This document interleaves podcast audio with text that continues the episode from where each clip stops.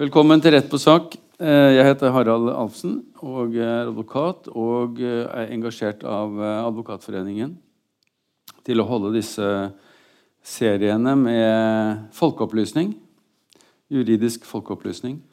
Det er en kombinasjon av etterutdanning for advokater, og, og de skal få skrive seg på listen her nede. Og får da etterutdanningspoeng. Eh, og en kombinasjon da med, med, folkeopplysning og oppdatering for de som kan litt om rettstemaene, og de som ikke kan noe. Så alle her skal få et innblikk og et overblikk over arbeidsretten. Dette er 20. gangen vi har i Bergen. Det er også eksportert til Oslo, så jeg har tilsvarende på Litteraturhuset der. Så dette har uh, tydeligvis vært et marked. Og I dag er det ekstra gøy, for jeg har jo uh, blitt inspirert av Trond-Viggo. Og han har alltid måttet booke nabosalen, så denne gangen har jeg også booket nabosalen. Så der sitter det noen der inne og følger med på bildet. Um, så de som heller har lyst til å se oss på TV, kan da gå inn der, Stig. Ja, det blir fint.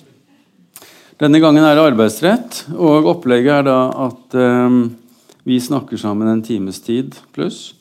Og så er det mulighet for spørsmål fra salen. Vi har fått inn noen spørsmål helt til et kvarter før vi skulle på her. Så da måtte vi hurtig forberede oss bak scenen. Uh, men det er mulighet for å stille spørsmål. Hvis det er altfor personlig, så må vi ta det her nede etterpå. Men hvis dere kan spørre i generelle termer, så går det bra. Ehm, jeg har med meg Stig Åknes Johnsen, kjent arbeidsrettsadvokat. Eh, vi har kjent hverandre lenge, studert sammen, tatt arbeidsrett sammen og vært advokater sammen. Uh, og endelig, tenkte jeg før jeg gikk på scenen her, endelig har jeg fått et tema jeg kan noe om. Så bra. De andre temaene har jeg ikke greie på. Men jeg må lese meg opp så det høres sånn ut. Jeg driver med offentlige anskaffelser i Inventura til daglig. Så jeg jobber ikke som, som klassisk advokat. Uh, men arbeidsretten kan jeg litt om, så jeg tror vi skal få en fin uh, halvannen time her sammen. Aller først, eh, Stig. Uh, når du ble engasjert, så var du advokat i advokatfirmaet Kyrre. Mm. Men det er du ikke lenger? Nei, det er jeg ikke. Hva har skjedd? Nå er jeg advokat i LO. Og da jobber jeg eh, med arbeidsrett eh, stort sett hele tiden, og en del yrkesskade. Så det er mine to fagområder nå. Så nå har du gått til fagbevegelsen? Nå har jeg gått til fagbevegelsen. Men alt det jeg sier, og jeg må jo bare si at jeg har jobbet i fagbevegelsen nå i en og en halv måned, så alt det jeg sier, det, er, det står for min regning. Så det er altså ikke nødvendigvis LOs uh, offisielle syn. Og så skal jeg forsøke å være litt balansert når jeg forteller om hvordan jeg oppfatter at jussen er. For, for, det er ikke alle områder man er enige om, om jussen. Mm. Men øh, dere ser, han har jo ikke manus, så han skal kunne det han ble spurt om. Så har jeg jukselappen. Han vet litt, men han vet ikke alt. Eh, men for å begynne litt sånn, eh, Ta hovedpilarene først, Stig. La oss ta de. Mm. Som jeg også sleit med helt i begynnelsen da jeg leste arbeidsrett. Det er dette med den kollektive og den individuelle arbeidsretten. Vi skal snakke mest om den individuelle. Men det er jo på en måte hovedpilarene, de to. Kan du si litt så, først om den kollektive, så gjør vi oss ferdig med den før vi går på den individuelle? Ja. Hva er det for noe? Den kollektive arbeidsretten, det er eh, de eh, det er, Stort sett så er det eh, de avtalene som er inngått mellom en fagforening på den ene siden og en en arbeidsgiverforening eller en enkeltstående arbeidsgiver på den andre siden. Sånn at man kan inngå en tariffavtale med en enkeltstående arbeidsgiver. Eh, sånne enkeltstående arbeidsgivere kan enkelte ganger kalles for fisk på land. For det er sånn de føler seg når de har en, en veldig stor fagforening på den andre siden. Da er det stort sett å akseptere de vilkårene som er, som er stilt. Men det er altså eh, ikke nødvendigvis at det er to organisasjoner som står mot en annen. Det kan altså være en fagorganisasjon mot en enkeltstående arbeidsgiver. Men det kan aldri være en enkeltstående arbeidstaker. Og Dette baserer seg jo på, på organisasjonsfriheten. Eh, det skal være frihet for arbeidstakere å organisere seg Og det kan man bruke til å eh, få bedre arbeids- og lønnsvilkår gjennom f.eks. å streike eller å forhandle. Mm. Ja, for Den kollektive arbeidsretten det er altså kan du si, organisasjonen i arbeidslivet. Altså hvis Du tenker, eh, du, snakket, du er jo fra LO. sant? Det er jo en arbeidstakerorganisasjon. Og de har inngått en avtale med NHO, som en arbeidsgiverorganisasjon, som kalles Hovedavtalen. Ja, og hovedavtalen Eller kanskje du skulle stille for ferdig spørsmål. hovedavtalen det Eller hovedavtalen er, for det, det fins flere hovedavtaler, det er eh, enkelt sagt arbeidslivets grunnlov. Eh, I hvert fall innenfor det kollektive arbeidsretten. Eh, det er avtaler som beskriver hvordan organisasjonene skal forholde seg til hverandre. Eh, det er noen regler for, for hva som skal gjelde f.eks. ved nedbemanning eller oppsigelser. Permittering står i hovedavtalen.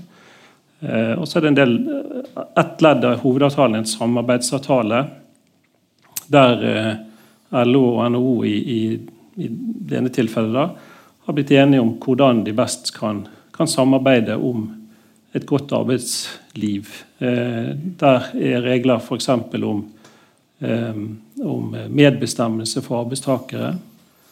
Eh, og disse, mange av disse reglene kom først i de kollektive avtalene, og så etterpå de inkorporert i, i lov. Vi har jo et eksempel som, som riktignok ikke står i hovedavtalen, men men i dag er det jo sånn at eh, de aller fleste arbeidstakere har fem ukers ferie. Du hører vel kanskje til en av de som har mer enn det, men, men de aller fleste har fem ukers uh... For de er over 60, ja. som jeg tenkte? men du holder deg godt. Ja. Det har jeg alltid syntes. Mm. Uh, men, ja, de aller fleste har fem ukers ferie, men i ferieloven så, eh, så er ferie, eller rettighetene til ferietid det er fire uker pluss én dag. Det var den ene dagen det som fra gammelt av ble kalt for grodagen. Mm. Den er det jo ingen som tar ut lenger, fordi at man har fem fulle ferieuker. Sånn at uh, i praksis så går, uh, så går uh, rettigheter som er etablert ved, ved, kollektive forhandlinger, de går foran loven.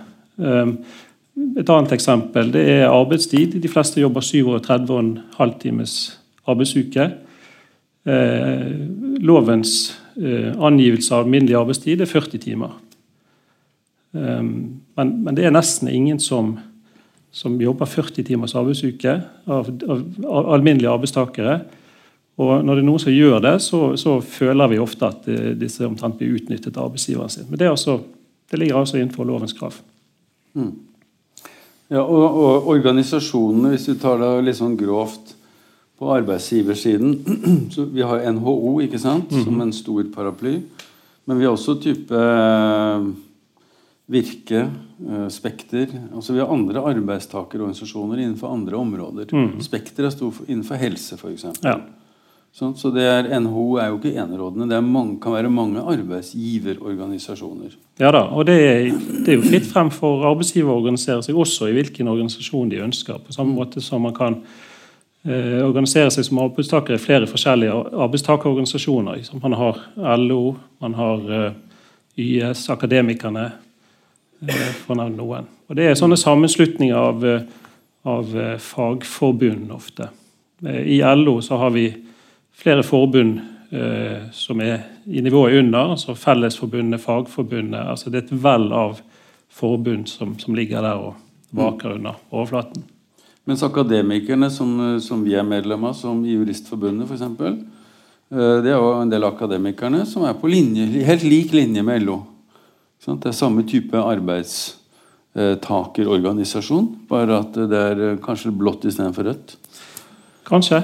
Um, og det, det, som er litt, litt interessant, og, og, som kan være litt vanskelig, tror jeg, for, for de, de arbeidstakerorganisasjonene som er mindre enn LO, det er at um, det er en ulovfestet regel om at uh, når en arbeidsgiver først har inngått en tariffavtale med én organisasjon, så kan man ikke inngå en avvikende uh, tariffavtale med en annen organisasjon.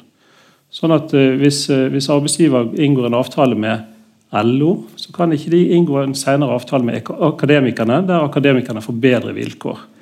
Og Da blir det en, slags kamp for å komme først til bordet.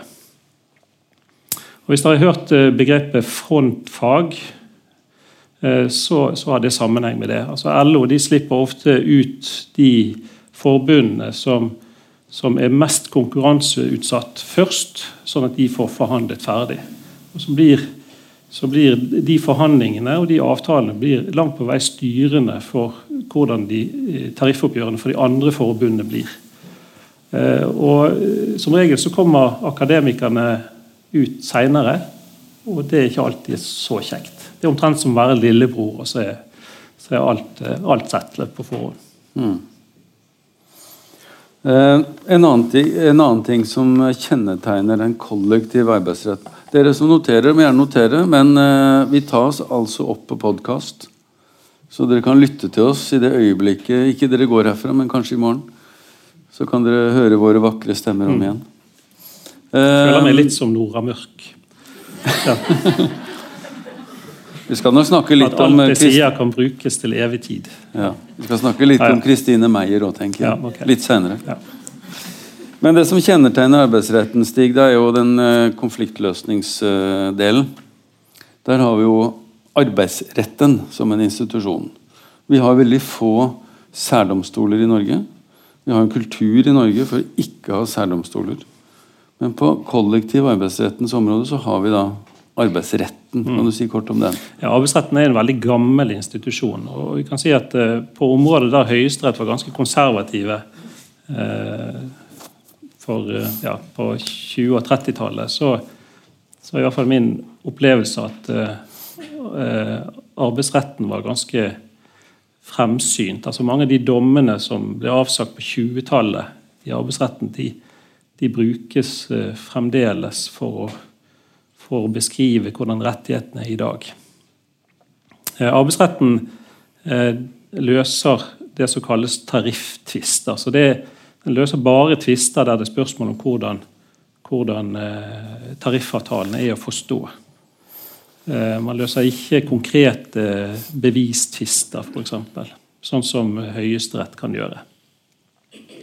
Men det som er viktig for, for de som hører ordet arbeidsretten, det er jo at Eh, arbeidsretten det er ikke rett instans for en arbeidsrettssak.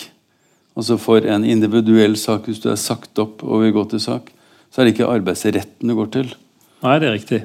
Da går du til den ordinære domstolen, som får en arbeidsrettssak på bordet. Ja, Med, med ett forbehold. fordi at hvis, eh, hvis, det er en tolking altså Hvis man i en, en konkret sak, f.eks. oppsigelse av en tillitsvalgt, hvis det da oppstår et spørsmål om tolking av tariffavtalen, altså hvordan, hvordan skal f.eks. Eh, ansiennitet beregnes, eller hvordan skal eh, altså Hvilke særrettigheter har en, en tillitsvalgt i, ved oppsigelse? Så er det et spørsmål som arbeidsretten kan befatte seg med. Og hvis, eh, hvis, arbeidsretten da kommer frem til at, at arbeidsgiver har eh, tolket arbeids, eh, tariffavtalen feil, så kan arbeidsretten avsi dom for at en oppsigelse er ugyldig. Men det, det, er det nærmeste du kommer. Altså for de aller fleste tilfeller så går sakene i de ordinære domstoler. De begynner i tingretten, og så går de til lagmannsretten og så til Høyesterett. Mm. Men det er ikke mange. Jeg eh, mm. tok en kikk på, på antall eh, dommer i arbeidsrettssaker som er avsagt av Høyesterett de siste årene. og Det varierer fra to-tre til kanskje seks-syv per år. Flere er det ikke. Så de som truer med at de skal gå helt til Høyesterett, de, de, skal ha flaks i tillegg. Mm. Uh, du nevnte dette med å være organisert. Altså det er jo sånn at Arbeidstakere de kan velge selv om de vil være organisert eller ikke. Mm. Altså om De vil, de kan godt være medlem av f.eks. Akademikeren, eller, sånt, men de trenger ikke kreve en tariffavtale. Men hvis de gjør det, hvis det etableres da tariffavtaler med f.eks. LO og NHO. Eh, hva med de da andre eh, som jobber i firmaet, virksomheten, som ikke velger å være organisert? Mm. Er de bundet av de samme regler, eller hva er forholdet der? Ja, der, eh, Da er vi tilbake til det ufravikelighetsprinsippet som jeg var inne på litt tidligere. Um, Og, det er det sånn, og det tror jeg er ganske sikker rett, å basere seg på en dom fra arbeidsretten i 1922 at hvis en arbeidsgiver har inngått en tariffavtale, så binder den tariffavtalen også de uorganiserte arbeidstakerne. Så Det nytter ikke for en arbeidsgiver som blir presset til å inngå en tariffavtale, eller i hvert fall føler det sånn, å kvitte seg med alle de organiserte arbeidstakerne og beholde de, de uorganiserte, eller å tilby uorganiserte arbeidstakere bedre vilkår, fordi at man ønsker å få uorganiserte inn i arbeidsstokken. Så Har du først inngått en tariffavtale, så plikter du å la alle de ansatte følge den. Man kan verken gi bedre eller dårligere vilkår. Mm. Noen ganger så, så sier jo arbeidstakerorganisasjonene at de, de, at de fremforhandler gode vilkår for de uorganiserte, og, at, og de betegner uorganiserte som gratis passasjerer. Det er litt sånn snylte tendenser? Ja. Det, det, det, det, er noen som kan oppfatte det sånn. Men samtidig så er organisasjonene avhengig av at de som er organisert, at de ikke, får, at de ikke blir mindre attraktive på arbeidsmarkedet. Og hvis, hvis de uorganiserte da kunne gå på dårligere vilkår, eh, enn de organiserte, så ville det være uheldig for, for eh, fagorganisasjonene og de organiserte. Så det mm. ønsker man ikke. Mm. Og nå har, vi, nå har, vi, altså snakket om ting som hovedsakelig ikke står i arbeidsmiljøloven ennå. Dette er altså avtaleverket mellom partene i arbeidslivet. Den kollektive delen. Ja, eller ehm, ja, Vi har jo også en, en, en lov, arbeidstvistloven, som regulerer forholdet mellom organisasjonene. Og En av de bestemmelsene som, som står i arbeidstvistloven, som kan være viktig for, for, alle å ha kjennskap til, det er igjen en del av dette ufravikelighetsprinsippet. og det er at hvis, hvis, man har en tariffavtale, så kan man ikke inngå en individuell avtale som er i strid med tariffavtalen. Så sånn, en, hvis man inngår en sånn avtale, så vil da den individuelle arbeidsavtalen være ugyldig. I hvert fall så langt den er i strid med tariffavtalen. Mm. Skal vi la den kollektive delen ligge litt? Det kan vi godt. Uh, jeg liker ofte å spørre liksom i fugleperspektiv på disse samlingene her. Uh, dette med uh, rettskildegrunnlaget. Uh, Jusstudenter kjenner jo godt til at noe står i den store røde boken, og noe er kun utviklet gjennom rettspraksis, høyesterettspraksis.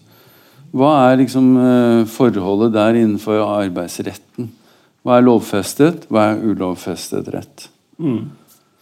Ja, eh, vi fikk jo den første arbeidsmiljøloven i 1936. Og Før det så, var, så fantes det noen sånn spesiallovgivning som, eh, som, regulerte arbeidsforhold.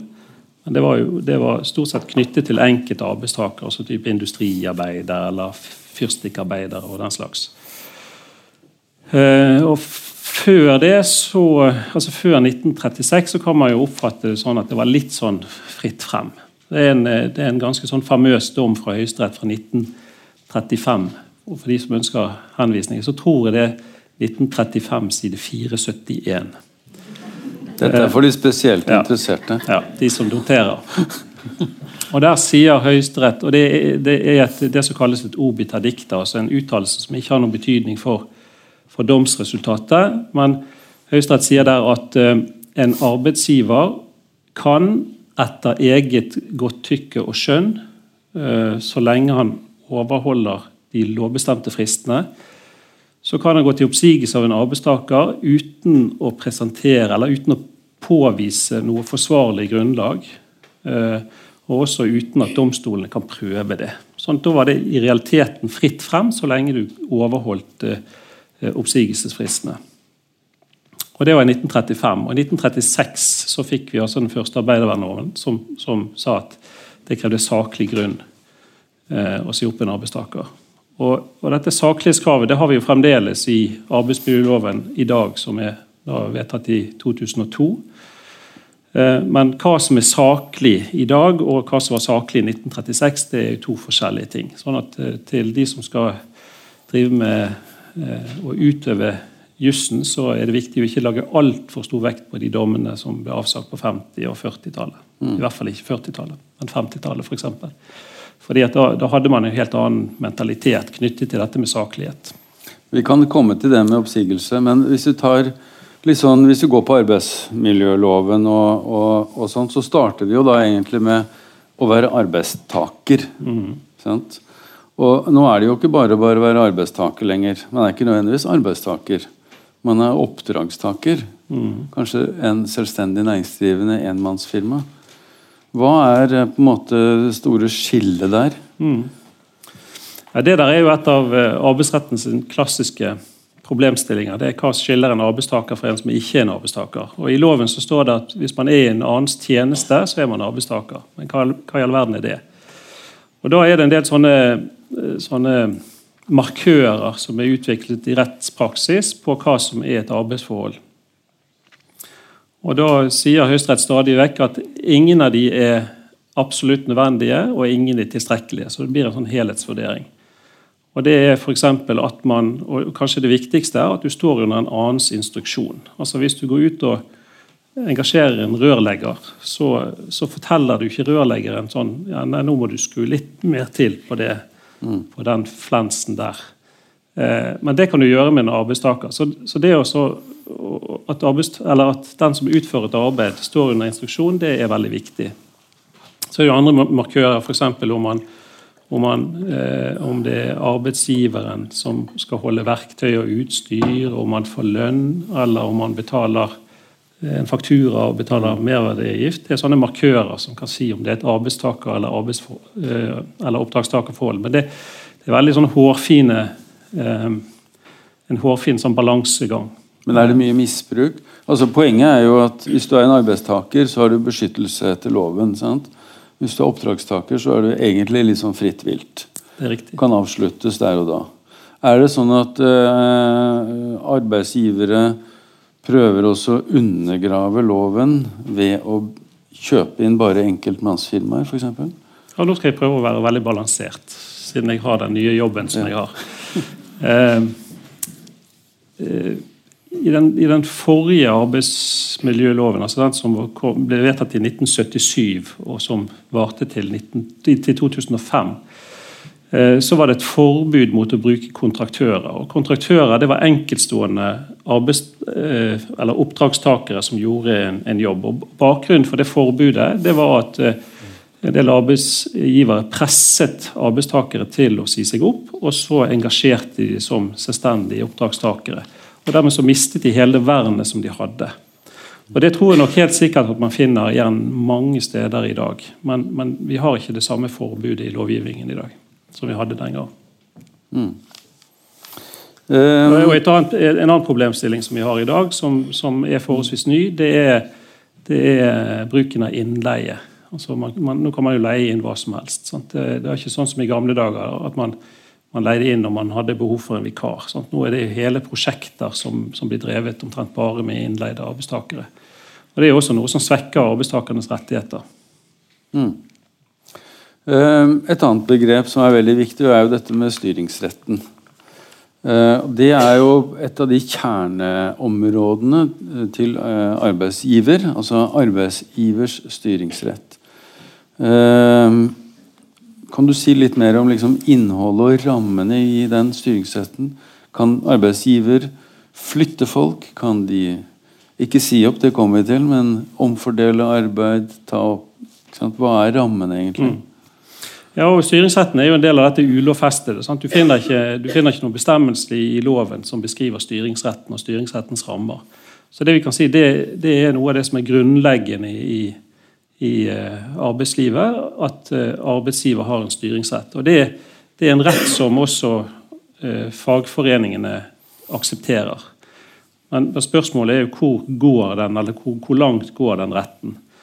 Og Det er vanlig å betegne styringsretten som en såkalt restrett. Så hvis, seg, hvis, man tenker seg at man har en ball, og at det var den opprinnelige styringsretten, så blir litt av ballen vekke fordi det, den er begrenset av lov. Og så er det tariffavtalen som tar litt av, av ballen, og så er det den individuelle arbeidsavtalen som tar den tredjedelen av ballen.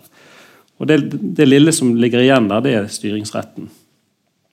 Og i 2000, nei, 2001 jeg tar ikke helt uh, henvisningen. Uh, så fikk vi uh, nøktdommen Og, og den, den, er blitt ganske toneangivende for, for styringsretten i dag. Nøkk, Nøkkdommen det kommer fra brannbåten Nøkk i Stavanger. Jeg vet ikke om den finnes der fremdeles. Er det noe fra Stavanger her som Eh, men den eh, brannbåten Nøkk den hadde et mannskap, og de rykket ut når det var behov for brannslukking til sjøs. Og eh, Så fant Stavanger kommune ut at dette må, må vi gjøre noe med, for denne brannbåten har jo ikke vært ute på tre år.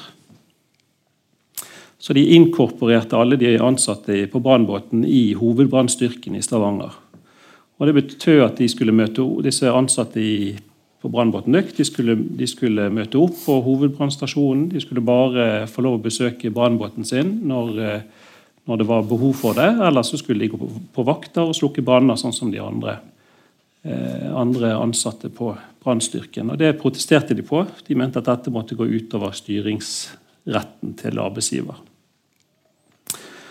Og Da eh, sier, da sier Høyesterett at eh, styringsretten den eh, den begrenses av det arbeidsforholdet som er inngått. Altså Den arbeidsavtalen som er inngått, den vil skape grenser for styringsretten.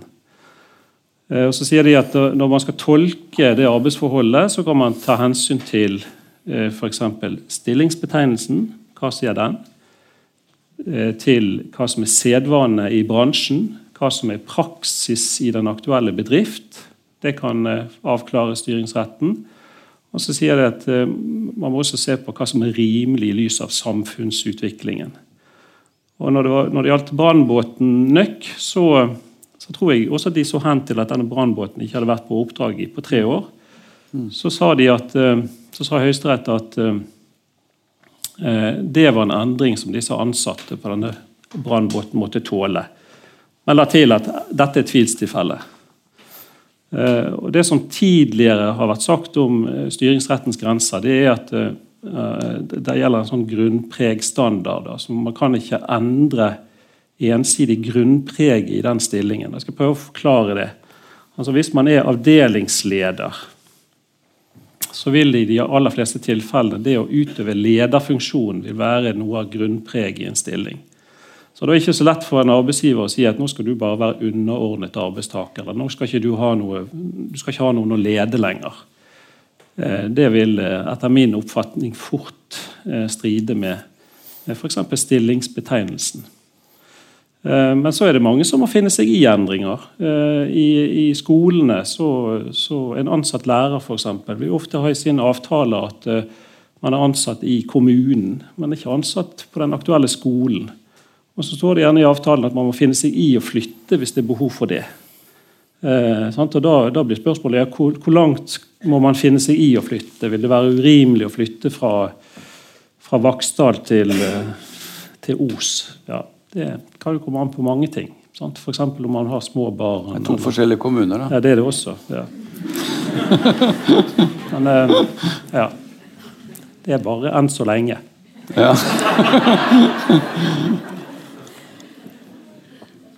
Så, ja, men dette er jo et Men er ikke ferdig med styringsretten. Nei, nei. Skal du så, over, overta her hvis du Så kom det en, en annen dom i eh, 2001, den såkalte Kårstø-dommen. Og Der var problemstillingen om eh, når er det arbeidstiden regnes fra. Og der var det sånn at Dette Kårstø-anlegget det er veldig stort. Og Opprinnelig så så var det avtalt, eller så var det bestemt at uh, eh, idet du gikk innenfor portene til industriområdet, så begynte arbeidstiden din. Men Så uh, fant Statoil ut at dette må vi jo endre på, for dette går jo altfor mye tid av arbeidstiden til å bevege seg innenfor dette industriområdet. Så de, så de bestemte at arbeidstiden begynner først å løpe når du kommet på arbeidsplassen din. Og En del av disse her ansatte hadde jo et kvarter å gå fra industriporten til arbeidsplassen, så de protesterte på det. Det var også en, en, en endring som ble godtatt av Høyesterett. Og Det Høyesterett sa der, det er at styringsretten den eh, begrenses av allmenne saklighetsnormer. Den må ikke være, baseres på vilkårlighet eller utenforliggende hensyn. Og De som kjenner til forvaltningsretten, de vil kanskje kjenne igjen eh, disse saklighetsnormene i forvaltningsretten. Det har vært en diskusjon om, om man har en sånn alminnelig eh, for, forvaltningsrettslig styring, eh, saklighetsnorm i arbeidsretten. Eh, men, men, det kan jo være greit å vite. altså Hvis, eh, hvis en arbeidsgiver tar en styringsrettslig beslutning på rent sånn vilkårlig grunnlag, så kan det i seg selv gjøre at den avgjørelsen blir ugyldig. Mm. Men uh, du sier altså styringsretten den uh, I utgangspunktet så er den da ulovfestet. Mm. Utviklet til rettspraksis. For å ta et lite sidespor, hvorfor gjør ikke lovgiver noe med det?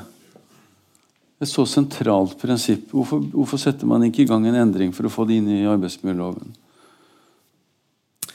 Ja, hvis du klarer å begrense, avgrense styringsretten, så tror du får premie av noen. Og det, er jo, det, er jo, det er jo nesten helt umulig. Sant? Det blir jo litt sånn mm. som å si at hvorfor uh, Jeg må ikke bli fornærmet.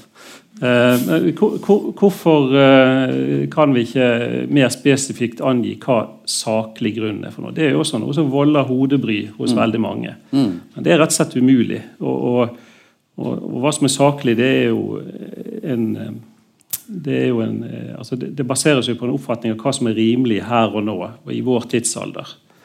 Og Om man skulle lovfeste det mer spesifikt enn det som jeg tror er helt umulig, så, så ville man måtte endre loven stadig vekk. Sant? Og Da er det bedre å ha en sånn rettslig standard, som det heter, eh, mm. som forandrer seg med, med, tiden.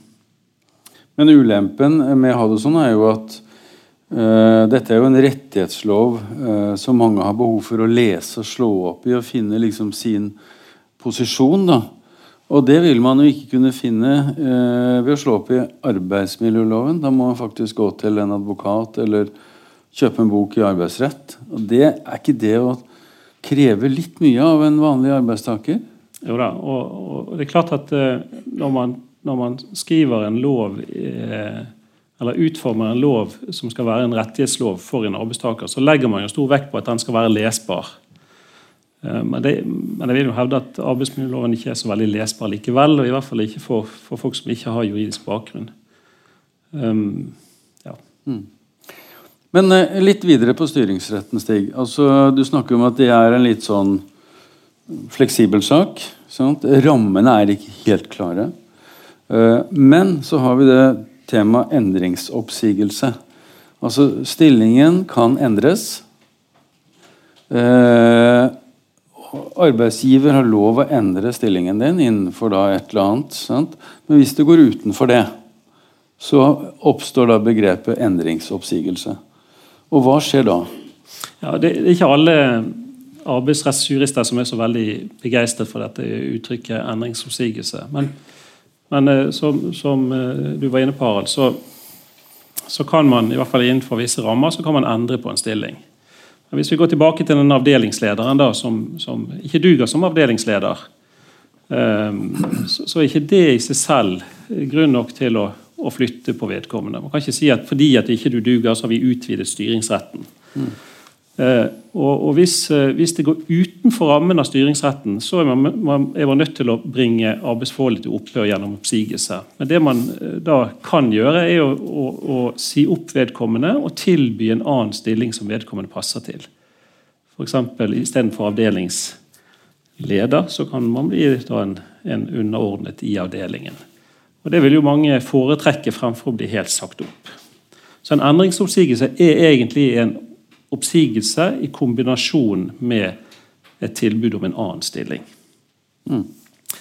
Um, og så har, det, så har, det, blitt brukt sånn da, at, at uh, man, man, sier at ja, det, nå har jeg vært utsatt for en endringsoppsigelse.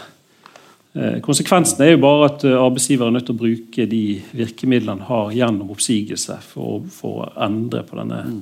denne stillingen. Ja, for der har vi jo mange formalregler. Det kan ja. vi komme til. Men nå har vi snakket mye om arbeidsgivers rettigheter. Hva med arbeidstakers rettigheter? Medbestemmelsesrett på arbeidsdagen sin? Hva sier regelverket om det? Ja, altså først vil jeg si at De aller fleste bestemmelsene i arbeidsmiljøloven er jo rettigheter for, som skal ivareta arbeidstakerne. Um, og, og, loven er jo også ufravikelig. Og den er ufravikelig i den forstand at den kan ikke fravikes til skade for arbeidstakere. Men den kan fravikes ved avtale til skade for arbeidsgiver. Det er ikke det noe eh, til hinder for. Eh, men, men, du var inne på dette med, med eh, medbestemmelse. Altså de, de, de, kanskje mest, mest ytterliggående bestemmelsene om medbestemmelse de finner vi i tariffavtalene. Vi har noen bestemmelser i, i arbeidsmiljøloven. Vi har f.eks. et kapittel om, om, drøftinger. Det er kapittel 8. Eh, der fremkommer det at eh, hvis en arbeidsgiver har mer enn 50 arbeidstakere i snitt, så er, er man forpliktet til å, å, drøfte vesentlige endringer, eller planlagte vesentlige endringer, før de settes i verk. Og Sånne drøftelser de skal være reelle. Sånn, som hvis, hvis, hvis, arbeidsgiver har bestemt seg før drøftelsene settes i verk, så er altså denne drøftingsplikten den er brutt. Men om det får noen betydning, det vet jeg ikke. Jeg har ikke sett noen dommer som, som, som går på at denne drøftingsplikten er, er, brutt. I tillegg så Det er lett å gjøre en papirøvelsesdrøfting, da. Ja da. Alt går an. Ja. Men det er ikke snilt. Nei. I tillegg så har vi bestemmelser om drøfting ved virksomhetsoverdragelse. Der, der er også arbeidsgiver forpliktet til å drøfte virksomhetsoverdragelsen med de ansatte på forhånd. Men eh, En medbestemmelse det er vel og bra, men eh, arbeidstaker har jo også en lojalitetsplikt. Ja, og Da er vi tilbake til pliktene. Du kan si at eh, I et arbeidsforhold så har en arbeidstaker tre pilarer av plikter. Det er lojalitetsplikten, det er lydighetsplikten og det er arbeidsplikten. Og arbeidsplikten går ut på at man skal utføre et bestemt arbeid. Eller man skal utføre det til, til en bestemt tid eller på et bestemt sted. Eh, lydighetsplikten går på at man skal etterkomme de pålegg som arbeidsgiveren gir.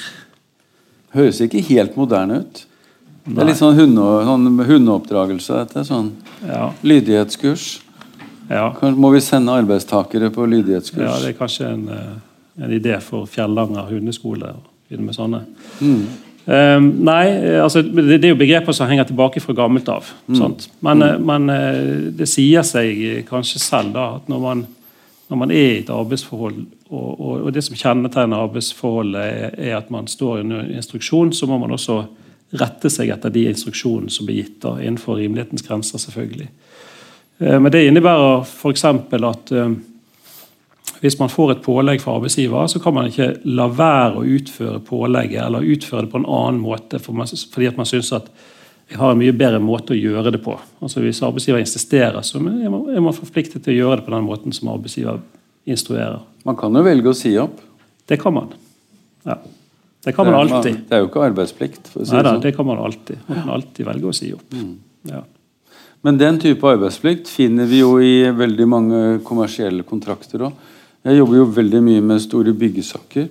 Og, og, der har vi til, helt tilsvarende opplegg. altså at Hvis entreprenøren er uenig i byggherrens metodevalg, eh, så hjelper ikke det. Bygge, eh, entreprenøren må utføre. Det kalles hoppeplikt. Det er litt det samme. Ja, og, vi har, og vi har problemstillingen f.eks. hvis det er tvist om en endring ligger innenfor eller utenfor styringsretten. Så kan det nok være mange arbeidstakere som er fristet til å si at nei, da gidder jeg ikke. Men det er, det er en farlig vei å gå. I de aller fleste tilfeller så bør man resignere, og så bør man ok, da, nå gjør jeg sånn som jeg får beskjed om, og så får vi heller ta den tvisten i ettertid. Det er veldig farlig eh, å, å, begynne å protestere. I hvert fall i den forstand at du nekter å utføre jobben. For Du sa arbeidsplikt, lydighetsplikt, lojalitetsplikt. Ja. Og Lojalitetsplikten går ut på at man skal, eh, man skal eh, ivareta arbeidsgiverens interesser man kan f.eks. ikke i arbeidsforholdet begynne å drive konkurrerende virksomhet, for det er i strid med, med arbeidstakers interesser. Hva, er, hva, vil du si er da det illojale? Når er man illojal som arbeidstaker? Uh, ja, det Ja, altså ja, Hvis man direkte driver i konkurranse, så er det illojalt. Uh, men, men det finnes jo eh, noen dommer f.eks. Um, om, om det å utføre biarbeid. og Bl.a. en sveiser på 50-tallet som, som utførte et, et arbeid på kveldstid for en annen bedrift. De drev stort sett med det samme. Og det ville hovedarbeidsgiveren at det skulle bli en slutt på. Den saken endte i Høyesterett. Og da fikk, da fikk arbeidstakeren medhold i at han kunne utføre biarbeid så lenge det ikke gikk utover hans arbeidsprestasjoner. Men i det tilfellet så, så ble det nok ikke ansett for å være for å være i direkte konkurranse. Men man kan f.eks. tenke seg at en arbeidstaker som er i ferd med å slutte. Uh, bruker av tiden sin, oppsigelsestiden på å legge forholdene til rette for å starte en konkurrerende virksomhet. og Så, kon og så kontakter han kanskje uh, kollegaen sin og sier at du, nå skal jeg begynne for meg selv. Har ikke du lyst til å være med på den galeien? Det vil åpenbart være illojalt, så det kan man ikke gjøre. Mm. Ja. Du nevnte dette med, med, konkurrerende virksomhet. Vi har jo da fått regler i arbeidsmiljøloven om konkurransebegrensende avtaler også. Ja. Og det, ja. hva, er eh, altså at, eh, at, man skriver under på at man ikke har lov til å starte konkurrerende virksomhet innenfor en periode etter man har sluttet mm. også. Mm. Og det kan være lenge, lang, lenge etterpå. ikke sant? Mm. Hvor, hvor, langt, eh, hvor lang er grensen? Tolv måneder. Altså Tidligere så var det, var det, ikke noen regulering av sånne konkurransebegrensende avtaler eller konkurranseklausuler. Da, eh, da, var det veldig vanlig at mange arbeidsgivere nærmest satte det sånn nederst på kontrakten på alle arbeidstakere. Så da så vi at eh, renholdere og salgsrepresentanter og mm. Kreti og Pleti hadde konkurranseklausuler i sin, i sin uh, arbeidskontrakt. Og nå har vi fått en regulering, og det er ikke så mange år siden. og Da er det bestemt at uh, hvis man har en konkurranseklausul, så må arbeidsgiveren bestemme seg for om man vil gjøre den konkurranseklausulen gjeldende uh, når arbeidstakeren slutter eller varsler at han slutter. Og det som er Konsekvensen av det er at arbeidsgiveren må betale et vederlag for den tiden arbeidstakeren har en aktiv konkurranseklausul. Og Det vederlaget det tilsvarer stort sett den lønnen man hadde når man sluttet. Så Da, da kan altså en arbeidsgiver som eh, påberoper seg en konkurranseklausul, eh, måtte betale arbeidstakeren lønn i hele den tiden konkurranseklausulen varer. Og Det gjør jo det at det er ganske mange arbeidsgivere som begynte å tenke seg grundig om før de påberoper seg sånne konkurranseklausuler. Men de som har et, et reelt behov for beskyttelse mot konkurranse, altså der hvor arbeidstakerne har kunnskap om, om forretningshemmeligheter eller om kunde, altså sensitive kundeopplysninger, så vil arbeidsgiverne normalt være villig til å betale det det koster. Det er altså begrenset til lønn i tolv måneder. Mm. Ja. Du skal jo være ganske verdifull arbeidstaker tenker jeg, for at uh, en arbeidsgiver skal uh, faktisk betale lønn for å, for å ikke motta arbeidsytelsen i ett år. Ja, mm. ja da skal du ha et, du ha et, uh, et verdifullt behov for beskyttelse. Men hva er, ditt, hva er ditt inntrykk av arbeidsavtalene, Stig? Eh, for eh, som du sier, mange arbeidsavtaler har jo dette nesten sånn automatisk i seg. Leser arbeidstakerne hva de skriver under på? Ja, det kan du jo eh, undres over noen ganger. Veldig mange ganger så virker det som om om eh, både arbeidsgiveren og arbeidstakeren er blinde når disse her avtalene utformes og, og underskrives. Det er jo et uh, krav i loven om hva en sånn arbeidsavtale skal uh, inneholde. Det står i kapittel 14. Um, der står det først at en arbeidsavtale skal være skriftlig. Den skal foreligge innen 30 dager etter tiltredelsen. og Hvis det er midlertidig arbeidsforhold, så skal den foreligge med en gang. Og så står det hva den skal inneholde. Og, og Det er en ganske lang oppramsing. Så vil jeg jo anbefale alle som er arbeidsgivere å ta en titt i den loven for å være sikker på at alt eh, som skal stå der, kommer med. Um, men, men, eh, det er klart at som arbeidstaker så har du jo eh, altså De fleste arbeidstakere står jo relativt med luen i hånden når de skal inngå sånn arbeidsavtale. Så de vil sjelden de vil sjelden eh, si noe på at Det er kanskje ikke det du protesterer Nei, det er ikke på? det de gjør. Nei. Men eh, og så kommer de til en tvist, nå hopper vi litt, men så de, kommer de til en tvist, og så um, har de ikke noen fagforening, så melder de seg inn i LO. Kan de komme til deg bort på Folkets hus og så få hjelp til en tvist? da? Nei, altså Da må du ha medlemskapet før tvisten er oppstått. Så Det nytter ikke, det er litt som å kjøpe en forsikring. Det nytter ikke å, å kjøpe forsikringen etter at uh, skaden er skjedd. Um, men det finnes jo mange andre muligheter. da. Man kan jo gå til jusformidlingen og andre for god hjelp. Men eh, siden du er inne på dette med ansettelser, altså der er det jo ganske mange formalregler. Der er det ikke mye slack. altså Det er ikke noe høyesterettspraksis som utfyller loven der. Altså En arbeidsavtale skal inneholde det som står i loven. Det er ikke noe i tillegg i rettspraksis man må kunne. Nei, men det, men det Høyesterett eh, sier, det er jo eh, og har sagt mye om, det er jo konsekvensen av at kravene i loven ikke er fulgt. Og Jevnt over så er konsekvensen at eh, arbeidsavtalen tolkes i tråd med arbeidstakerens interesser og i strid med arbeidsgiverens interesser. Sånn at Det er jo en god oppfordring i seg selv til å, å gjøre en skikkelig jobb når man først skal utforme en, en arbeidsavtale. Det er jo et alminnelig prinsipp egentlig, at en avtale skal tolkes mot den som lagde den, og den som var nærmest til å på en måte utforme den. Ja. Um, du var inne på dette med midlertidig ansatte òg. der vet vi at loven har noen begrensninger også. Hva er arbeidsgivers mulighet til å velge fast ansettelse eller midlertidig? Ja, utgangspunktet er at eh, ansett, ansettelser skal skje ved fast ansettelse.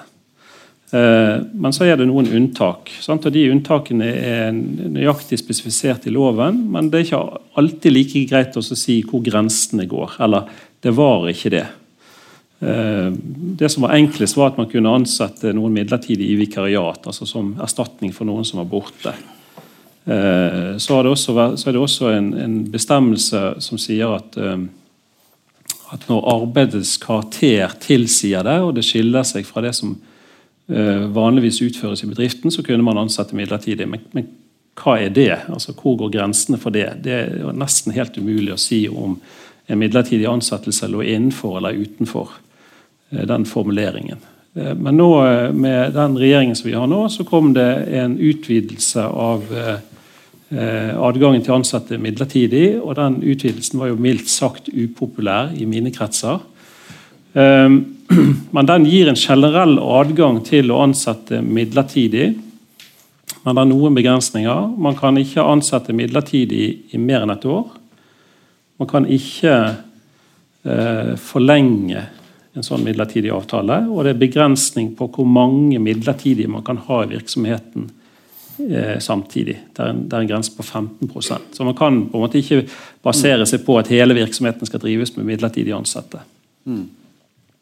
Men eh, noe av det som er, er, er litt sånn spesielt, det er jo at eh, en av de eh, Altså En av de som var, var verst med hensyn til midlertidige ansettelser, det var jo staten.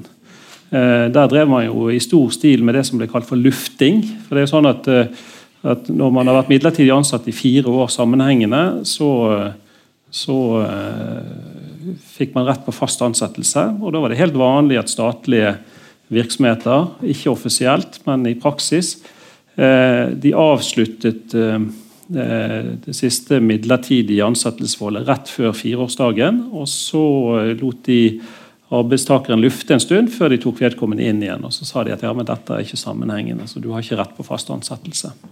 Men der er jo også man begynte å stramme inn. da. Et av de spørsmålene vi fikk inn, eh, gikk jo på dette med at eh, det ikke var eh, Siden det tar litt tid å lage den arbeidskontrakten, eh, at det var en slags skjult prøvetid. En, du sa 30 dager, ikke sant? Ja, Ved fast ansettelse, Ved fast ansettelse. så er det 30 dager. Og hvis du da som arbeidsgiver ikke, uh, ikke lager den kontrakten, og etter da 20 dager så sier du nei takk, det passet ikke, Og så fortsetter man å gjøre det en gang til med en annen. Og så, sånn kan man jo fortsette en stund. Er det, Hva tenker du er eh, rettsreglene rundt dette? Ja, altså, hvis arbeidstakeren først har tiltrådt en stilling, så er det jo arbeidsgiveren som har bevisbyrden for at den stillingen er midlertidig, og at vilkårene for midlertidig ansettelse er til stede. Eh, I tillegg så, er det noen andre sånne uh, uhumskheter som man risikerer uh, ved ikke å ha en skriftlig avtale når man tiltrer. For så er det sånn at Hvis du som arbeidsgiver vil betinge deg prøvetid og Ved prøvetid så har man et mye svakere oppsigelsesvern dersom man ikke duger til stillingen så må det foreligge en avtale om det før arbeidstakeren tiltrer, eller senest ved tiltredelsen. Og Hvis ikke arbeidsgiveren har laget den arbeidskontrakten eller betinget seg, eh, altså skrevet i en mail med vilkårene og sånt, om at her er det prøvetid, så har ikke arbeidstakeren prøvetid. Så Det må foreligge en skriftlig avtale om det før tiltredelsen. Mm. Og Vi har jo ganske mange saker på, på altså hvordan arbeidsgiver skal håndtere den prøvetiden òg. Altså, det er jo ikke sånn at man kan, Du sa lavere oppsigelsesvern. Det er jo ikke sånn at du dagen før eh, den seksmånedersfristen er gått ut, kan si at 'nei, beklager, dette gikk ikke'. Det er ganske mye aktivitetsplikt en arbeidsgiver må, må gjøre. Mange aktiviteter for å kunne bygge en sak. Er ikke det riktig? Jo da. altså Det er jo mange tror jeg, som har opplevd å kom i postkassen en av de siste dagene før prøvetiden utløper, og så finner man et rekommandert brev som sier at du er sagt opp. Eh, det fungerer som regel veldig dårlig. Eh, de, altså Man har et svakere oppsigelsesvern i prøvetiden, men det gjelder, det gjelder ikke av hvilken som helst grunn. Altså man skal, Som det står i loven, så gjelder det enten hvis man er eh, mangler faglig dyktighet, mangler tilpassing til arbeidet eller mangler pålitelighet. Det er da man kan si opp noen i prøvetiden med et svakere oppsigelsesvern. Så Det går jo rett og slett på hvordan en fungerer i stillingen. Men eh, det arbeidsgiveren må gi igjen for å få det svakere oppsigelsesvernet, det er at han må følge arbeidstakeren bedre opp i prøvetiden. Så Normalt sett så så, så, vil jeg forutsette at en arbeidsgiver i prøvetiden innkaller arbeidstakeren til jevnlige oppfølgingssamtaler der man sier ok, hvordan, hvordan har du det? Sant? Hvordan føler du at dette går? Hvordan føler jeg at dette går? Hvis jeg er misfornøyd, så skal du få vite om det, sånn at du kan, at du kan korrigere kursen og, og, mm. og, forsøke å endre det, sånn at vi begge to blir fornøyd. Mm. Det har vært en del eh, arbeidstakere som, sagt, som, som eh, plutselig får en oppsigelse i posten eller blir innkalt siste dagen av prøvetiden og sagt at du får ikke fortsette her lenger. Og Det er altså ikke i, i tråd med det som er lovens intensjon. Men når det er sagt, Stig, så er det jo ikke noe vanskelig å bli kvitt en person i prøvetiden heller. Hvis du bestemmer deg for det. Ja, Det kommer litt an på hvor de er organisert. Men, Men du kan bygge, altså arbeidsgivere som er litt spekulative på det. da. Og som tenker at, uh, veldig raskt at dette ikke var noe match, kan da bygge en sak ved å kalle inn og si at dette gikk ikke. Du har følgende forbedringspunkter. Jeg skal gi deg det og det kurset. Vi snakkes igjen om to uker. Nå har vi jo lært en ny, en, en ny fremgangsmåte. Det si at du har ikke lenger min tillit. Ja, du har ikke tillit, nei. du må trekke konklusjonen av det selv. Ja. ja. Skal vi ta en liten avhopp til, eh, til den saken? Ja, det kan vi godt.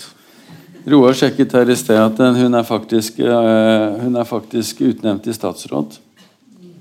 Som tjenestemann, har jeg hørt. Som tjenestemann? Ja. Er du ikke embetsmann hvis du blir utnevnt til statsråd? Nei, altså, jeg trodde det, men uh, For da er du jo ja. uavsettelig. Ja. Med mindre du er avskjedsgruppe. Men hun er jo åremålstilsatt, da. Ja. Uh, men av kongen i statsråd. Og åremål det er beskrevet da i, i det som nå heter stats det statsansatteloven. Men nå, vi, ikke, vi, kjenner jo ikke den stillingskontrakten hennes. Nei. Eh, men eh, det er jo veldig sjelden at en leder har fraskrevet seg retten til en normal oppsigelse. Altså Toppleder i næringslivet har ofte det.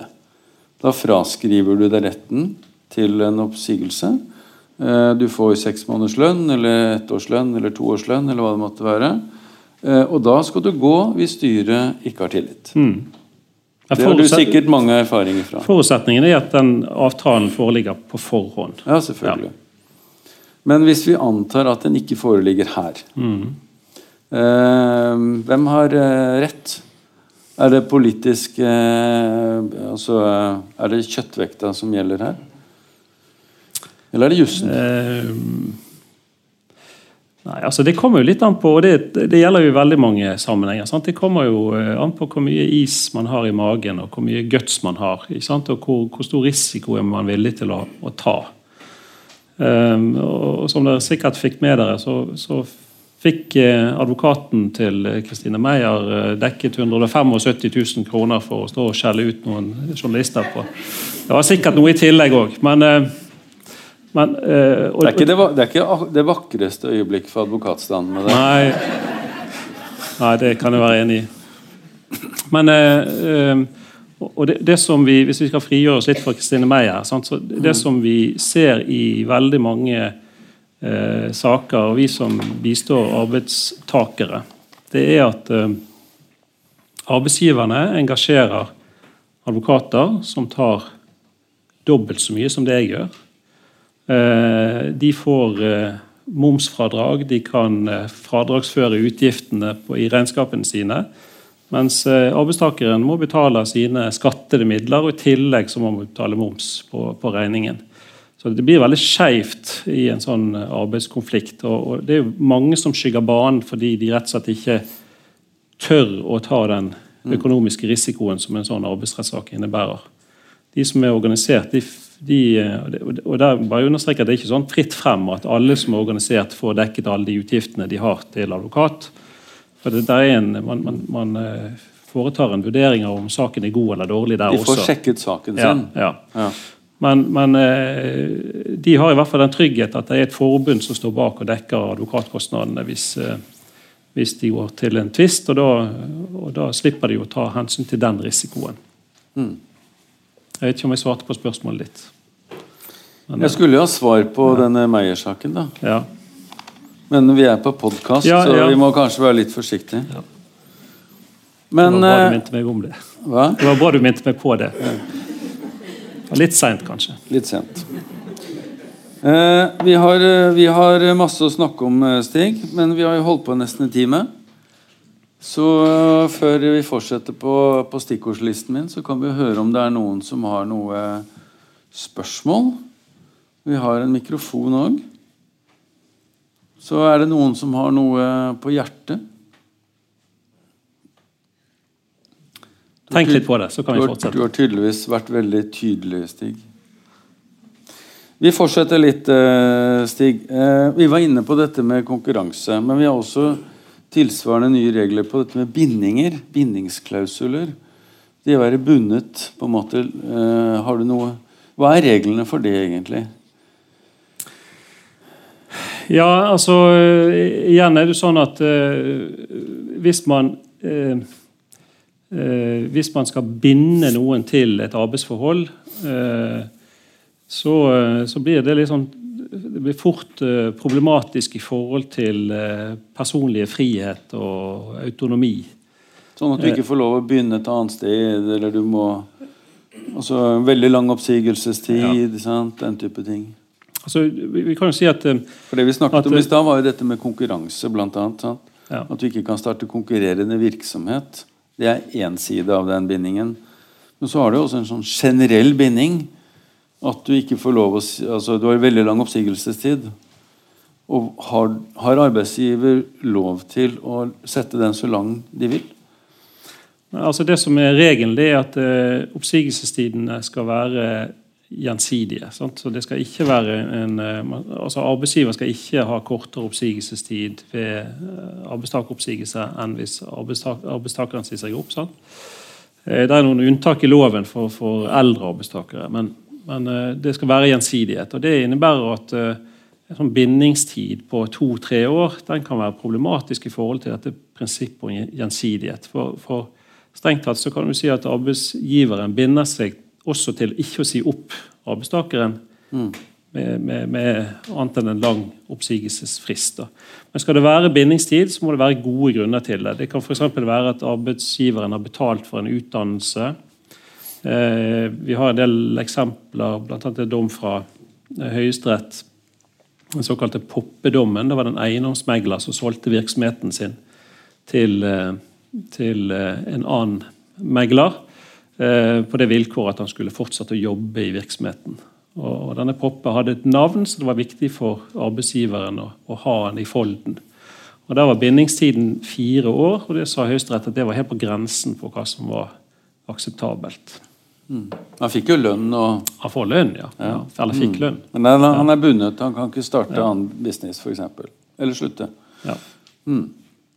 Men generelt så vil jeg si at det skal ganske mye til for at man skal, man skal uh, kunne fastsette en, bindingstid. Altså Hvis du sender uh, advokaten, den advokatansatte på, på uh, kurs med Juristenes utdanningssenter, så kan ikke du fastsette seks måneders bindingstid etterpå. Mm. Ja. Ikke det forskjell mellom at det er en ansatt og det at du selger virksomheten din, og så blir du bundet opp. for det, Da får du jo antagelig høyere kjøpesum. Slik at du blir ned et, et, et, et, et dobbelt forhold. altså Én ting er deg de som arbeidstaker, men, men uh, i de tilfellene hvor det er veldig langt, så er det fordi at han har en, eh, vedkommende er en, en, ressurs, slik at goodwill til den bedriften som selges, er knyttet opp mot denne personen. Mm. Så det er jo en flytende overgang der, vel? Ja, ja det er riktig. Og, og eh, domstolene har vært tilbøyelige til å, å akseptere lengre bindingstid hvis, eh, hvis, den bindingstiden springer ut av en sånn salg av en virksomhet, ja, ja. enn en hvis det bare er et eh, vanlig, ordinært ansettelsesforhold. Mm, ja. Så hvis, hvis, vi ha, altså hvis, vi skal snakke om bindingstider oppe i fire år, så, så, tror jeg nok at det er en forutsetning at det da ligger sånn sånt salg av virksomhet. Absolutt, ja, ja, ja. Når vi er inne på dette med, med, med tid og sånt, altså um, Dette med aldersgrenser. Um, det er jo mange aldersgrenser man opererer med, egentlig, fra, fra yrke til yrke og fra avtale til avtale. Hva er på en måte lovens hovedregel, arbeidsmiljølovens hovedregel om, om eh, Hva heter det? Pensjonist Hva kaller dere det? Aldersgrense? Aldersgrense, ja. ja. Um, og der, der, må jeg si uh, at uh, dette med alder har jo vært, et, uh, vært nokså stemoderlig behandlet i norsk arbeidsrett. Uh, og så er vi, uh, eller Noen vil mene at vi er påtvunget uh, å tenke aldersdiskriminering gjennom EU-direktiv. for Der er man altså kommet mye lenger enn det vi var kommet i Norge sånn mentalt sett. På det å akseptere at man kunne også diskriminere pga. alder. Mm. Og Det er jo ikke så lenge siden man endret reglene for, for når man kan si opp en arbeidstaker pga. alder. Og eh, Tidligere så var det slik at man mistet eh, oppsigelsesvernet når man var fylt 70 år. Så Da kunne man altså gå til oppsigelse av en arbeidstaker eh, utelukkende fordi at man er nådd den alderen. Um, og, og, Det var en bestemmelse som hadde vært der siden jeg tror det var siden 1918. og Da var det sånn at folk døde før de fylte 70 år, så det var liksom ikke det helt store problemet. Uh, og I de siste årene før, uh, før denne lovbestemmelsen ble endret, så, så vi at det var ganske mange arbeidstakere som var fylt 70 år, eller som var fylt 67 år, og som ble tatt igjen av en sånn aldersgrensebestemmelse i tariffavtale. Som, som, ønsket å jobbe lenger, og som gikk til sak. og Noen av de sakene gikk helt til Høyesterett fordi at de, de mente at, at, det var i strid med aldersdiskriminering og eller aldersdiskrimineringsdirektivet og, og si de opp når de fylte 70 år.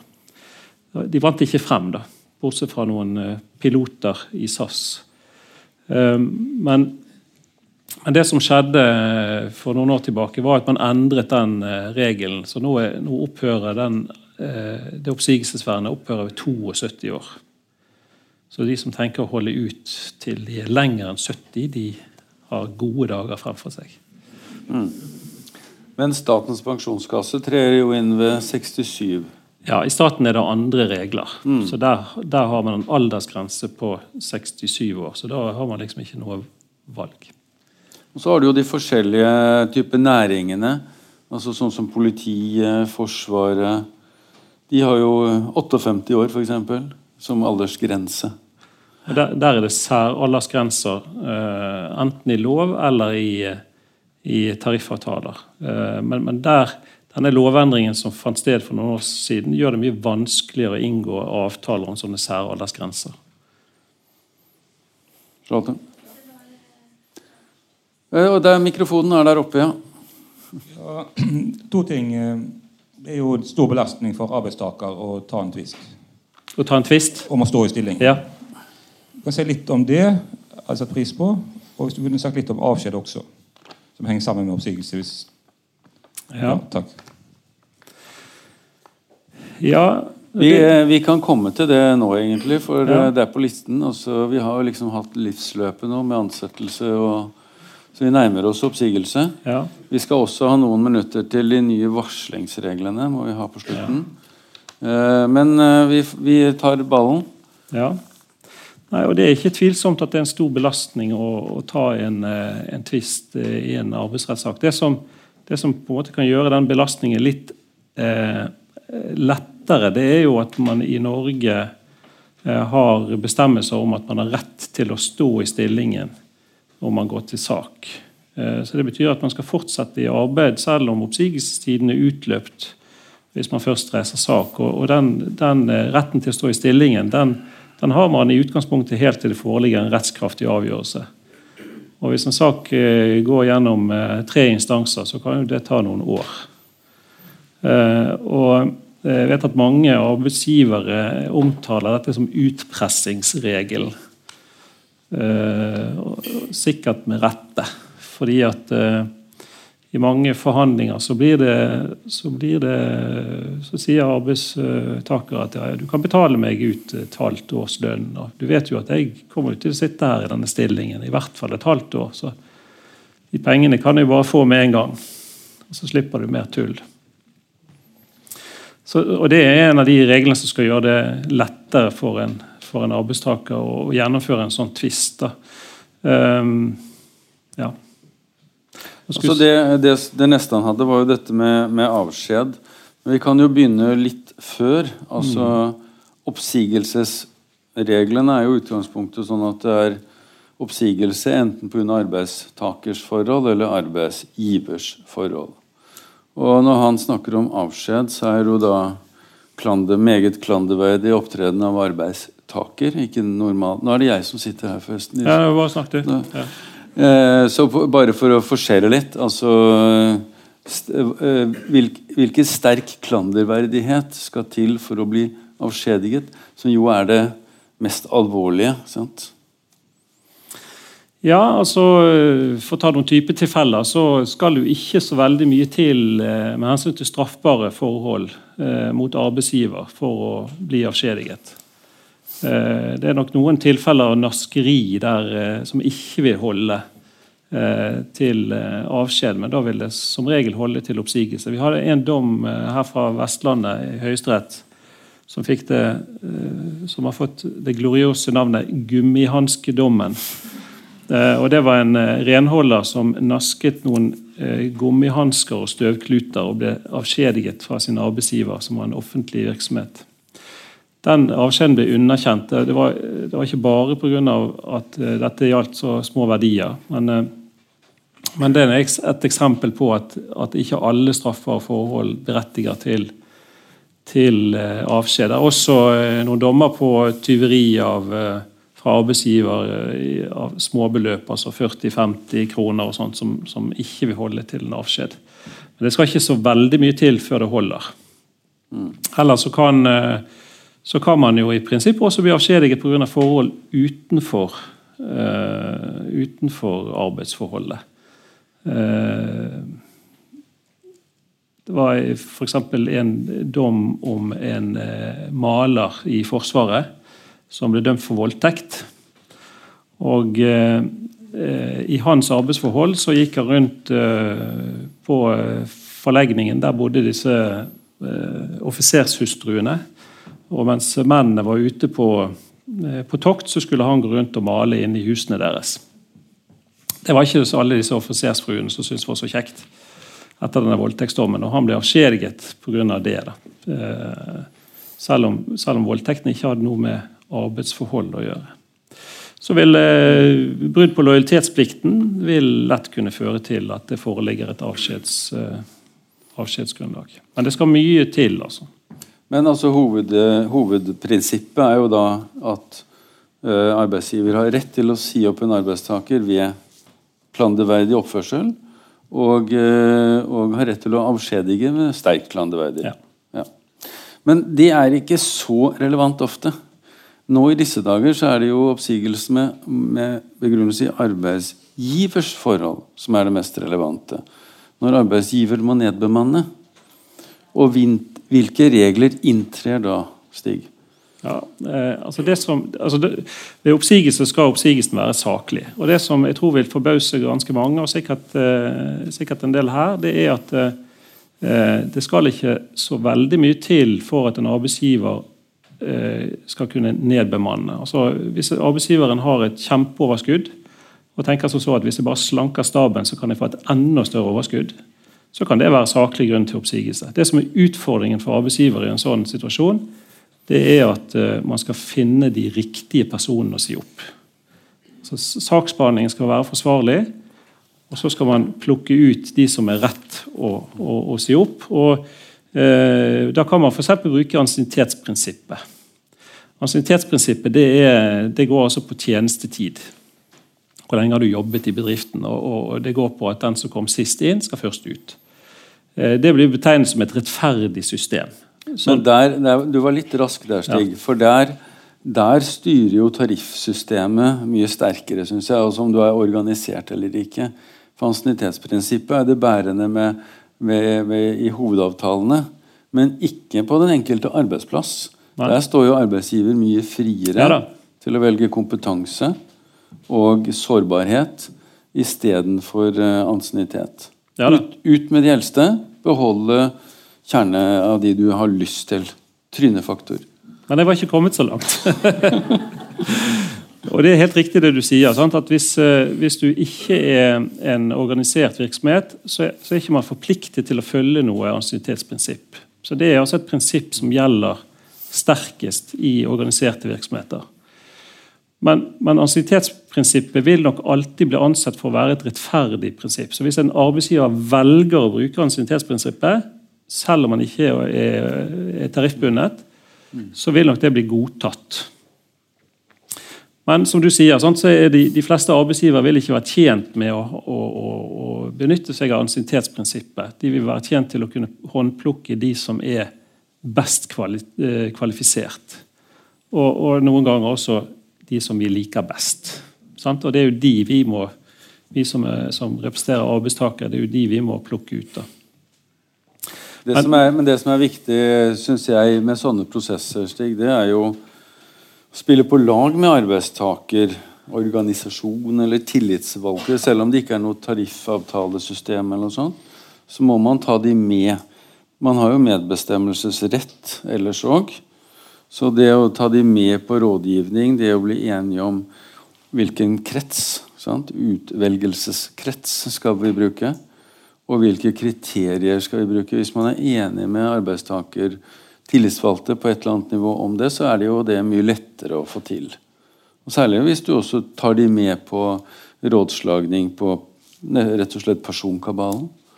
Det, og det å gjennomføre sånne nedbemanningsprosesser det er ganske krevende. altså Det krever et ganske grundig forarbeid. Eh, men, men, men, det er jo som du sier, så det er jo alltid, det er alltid greiest å gjøre det hvis du får, eh, får motparten med på, på, det du holder på med. Og og jeg tror de fleste eh, arbeidsgivere opplever at hvis vi, hvis vi, klarer å involvere de ansatte på en grei måte, hvis de ansatte har tillit til at vi, vi har gjort så godt vi har kunnet, vi har, vi har planlagt dette grundig, vi har trukket inn de tillitsvalgte, så er det mye lettere for at de ansatte som blir sagt opp, eh, aksepterer resultatet. Og så, så tenker de at ok, da var jeg den uheldige denne gangen. Eh, hvis man gjør det motsatte, nemlig gjennomfører en, en lukket prosess, så eh, tror jeg ikke det skal så mye til før du har alle eh, arbeidstakerne på gangen med, med en stevning i hånden. og Altså. Det, mm. Og det er ikke bra. Det er ikke heldig. Men det som, er altså, som gjennomsyrer dette, Stig, det er jo da at arbeidsgiver har en ganske sterk rett til å velge hva som han mener er best for virksomheten. Og kall det trynefaktor, kall det øh, alder, kall det hva du vil. Hvis man plukker ut de man mener er viktige for å bygge virksomheten videre oppover, så får man altså lov til det. Ja, ja Du er litt unyansert. For det at, uh, hva arbeidsgiver mener, er ikke så viktig. Sant? Det viktige er jo hva domstolene, hvis domstolene skal prøve dette, hva de sitter igjen med.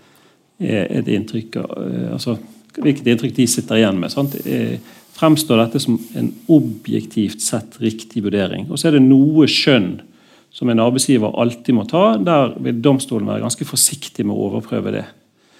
Eh, men, stort sett så, så, tar domstolene seg mange friheter til å gå ganske grundig inn i prosessene og finne ut om de er enige eller uenige. Men, men de, du vil aldri for si at, at, eh, du vil aldri si at domstolene sier at nei, vi mener at det var ufornuftig av deg å, å etablere deg på, på det stedet istedenfor det stedet. Mm. Eller, eller, eh, det ufornuftig av deg å, å, å ville sitte igjen med 50 arbeidstakere istedenfor 60 arbeidstakere. Men de vil se på de ti stykkene som må gå, om, om, det var de rette personene, eller om man skulle ha sagt opp noen andre istedenfor. Mm. Og så vil de jo se på den røde tråden i saksbehandlingen historikken bakover. De vil se etter Fins det styrevedtak? Fins det økonomirapporter? Fins det markedstrender som er lagt frem? Den type ting som underbygger hele prosessen. Ja, altså det kan, det kan være eh, en mulighet. Altså det kommer helt an på hva, nei, hva advokatene legger frem for domstolene.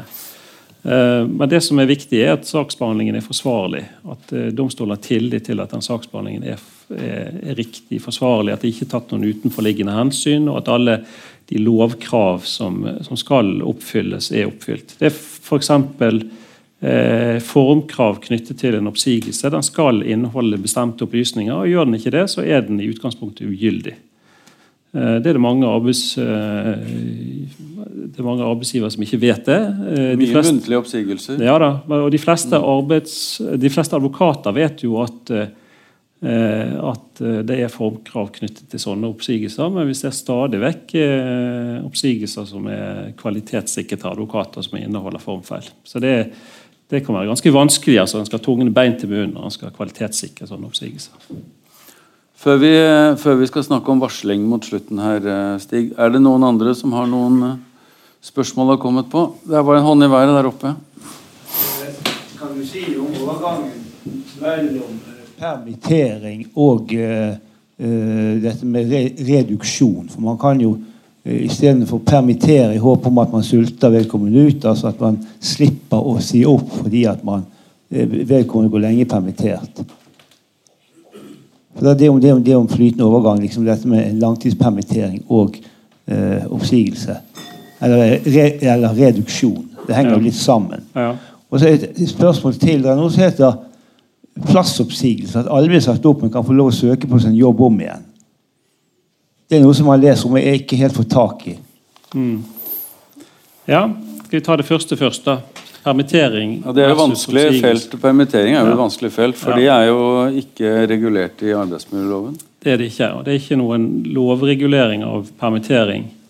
Eh, det er omtalt, eh, det er regulert i hovedavtalen. Men, eh, men regelen er den at hvis du altså Du skal egentlig ikke kunne sulte ut en arbeidstaker ved å permittere vedkommende i, inn i evigheten.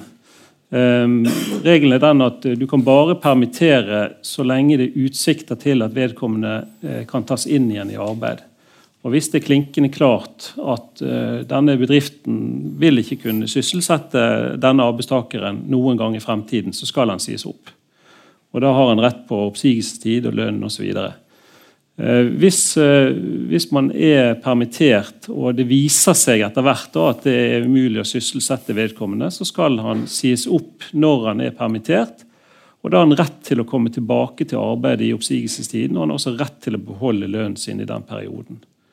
Eh, og det er, en, det er en regel som er innført fordi at man ikke skal kunne måte slippe å betale lønn i oppsigelsestiden ved å bare la de gå permittert i evigheter.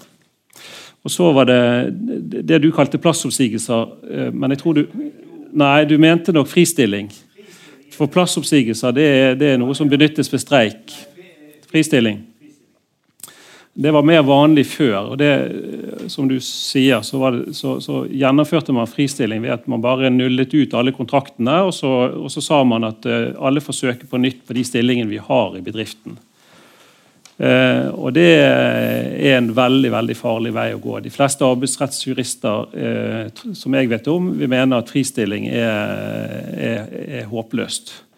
Fordi at eh, Når en arbeidsgiver skal nedbemanne, så er det arbeidsgiveren som har ansvaret for at ledige stillinger blir tilbudt til de som, til de, som de stillingene passer for. Man kan på en måte ikke overlate det til arbeidstakere ved å si at du får søke på, på de stillingene du har lyst på. Hvis ikke du når opp, så goodbye. Jo, det er litt storleken. Men, men det er også, jeg vil ikke anbefale noen arbeidsgiver å forsøke seg på fristilling. Det, det er en farlig vei å gå. Helt til slutt, eh, Stig. Reglene om varsling. Ja. De, har blitt endret litt. Ja. Kan du si liksom kort hva er status om varslingsinstituttet nå? Ja, Det har jo vært et tema her en gang før. sant? Ja. Og eh, de, de, er endret. Nå er det kommet inn som et eget kapittel i arbeidsmiljøloven. Det skjedde nå i 2017.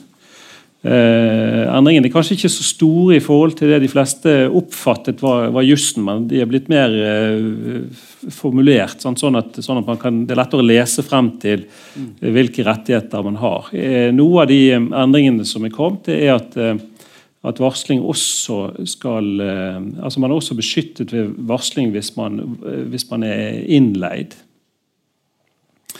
Um, Men hva er det varslingsinstituttet går ut på?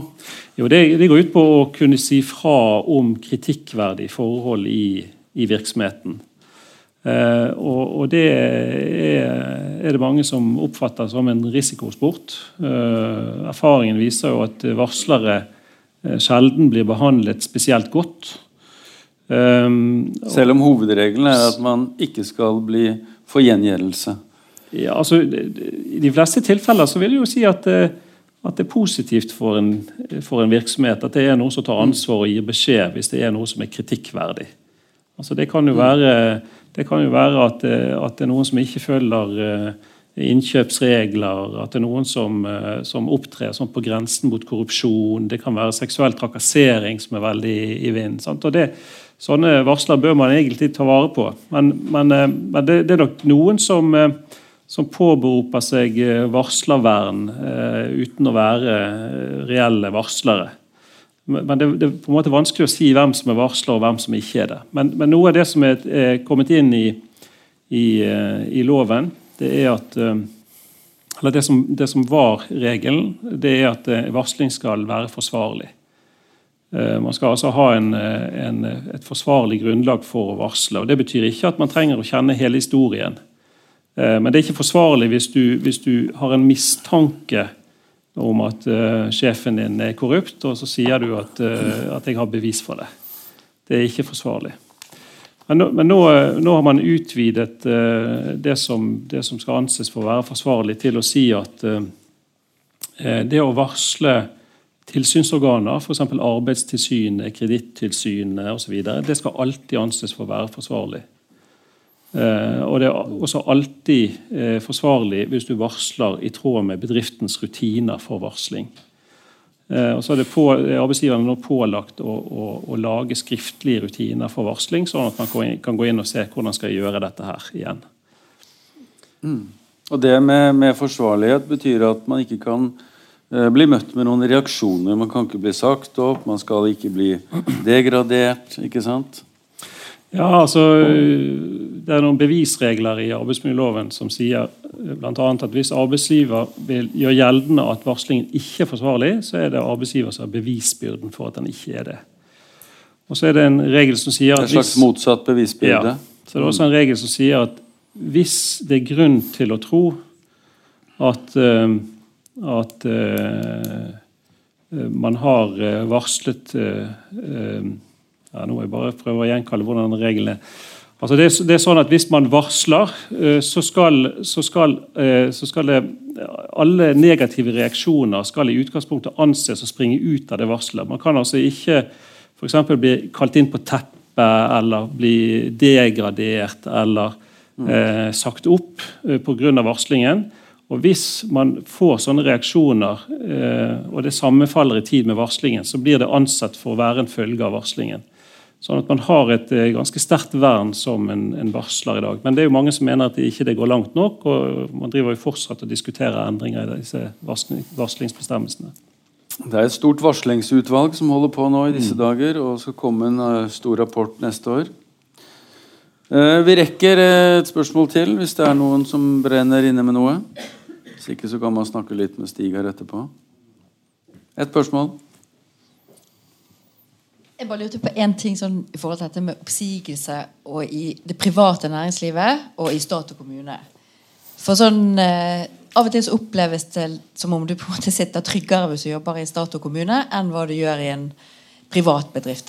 Og, og, det er jo på, en måte, på mange måter forståelig, for du er kanskje litt mer sårbar i en privat bedrift. og der må man man har ikke liksom staten eller kommunen i bakhold. Men samtidig så burde vel kanskje stat og kommune også hatt større altså Regelverket er vel det samme, men det virker som om terskelen er mye høyere for å si opp folk. da. Man blir gjerne mer omplassert eller sånn. Men hva, har dere noen kommentarer til det? Fins det noen statistikk på det? Eller? Nei, altså, eh, Man hadde et mye sterkere oppsigelsesvern i tjenestemannsloven som eh, ble erstattet i år av det som heter statsansatteloven. Og fremdeles så, så, er det mange særregler for de som er ansatt i staten. Um, og så er det jo sånn at Staten vel regner med at den tar bedre vare på sine ansatte. Man har flere muligheter for omplassering. Men i denne nye statsansatteloven så var meningen å harmonisere eh, reglene for statsansatte med arbeidsmiljøloven. Når det gjelder eh, ansatte i kommuner, så, så reguleres deres arbeidsforhold av arbeidsmiljøloven. Men det er noen særregler fordi at, eh, fordi at forvaltningsloven kommer inn, og så, så, har man gjerne regler om, om, om klageadgang og, og den slags. da oppsigelses- eller hva heter ansettelsesutvalg eller mm. disiplinærutvalg, og man kan klage. Så det, det er litt andre regler. Men, men, men i prinsippet så er, så er saklighetskravet er stort sett det samme for, for alle ansatte i både i, i kommune, og fylkeskommunene, privat næringsliv og i staten. Langt på vei. De største sakene som kan kanskje havne i rettsvesenet, det er i det private? eller? Det, det, er det. Sant? Og, og det, er jo, det, er jo, ganske sjelden du ser f.eks. at en kommune eller jeg skal omformulere meg, Det var sjelden at du så at en kommune f.eks. nedbemannet. Eh, men jeg har vært med på en nedbemanning, og det må jo ha vært i, på slutten av 90-tallet, hvor Os kommune nedbemannet. Eh, og Det kom som et sjokk på veldig mange at det kunne gå an. Men det gjorde det altså. Da må vi eh, gi oss, Stig. Det jeg kan eh, fortelle før vi avslutter, er at programmet neste år begynner å bli klart. Vi starter med fast eiendom, kjøp og salg av fast eiendom. Avhendingslov, omsetning av fast eiendom. Det kommer 6.2. Og så har vi en sak i, i april, tror jeg det er, med menneskerettigheter. Og så vet dere kanskje at juryordningen eh, er opphevet fra nyttår av, som kommer. Og de første månedene nå skal, er det noen overgangsordninger. Og rett etter ferien så kommer førstelagmann Magni Elsheim i lagmannsretten her og forteller om hvordan hun har opplevd, hvordan dommerne har opplevd av denne nye eh, ordningen som erstatter juryen. Så advokater kan skrive seg opp der. Ellers så må vi si takk for oss. Takk.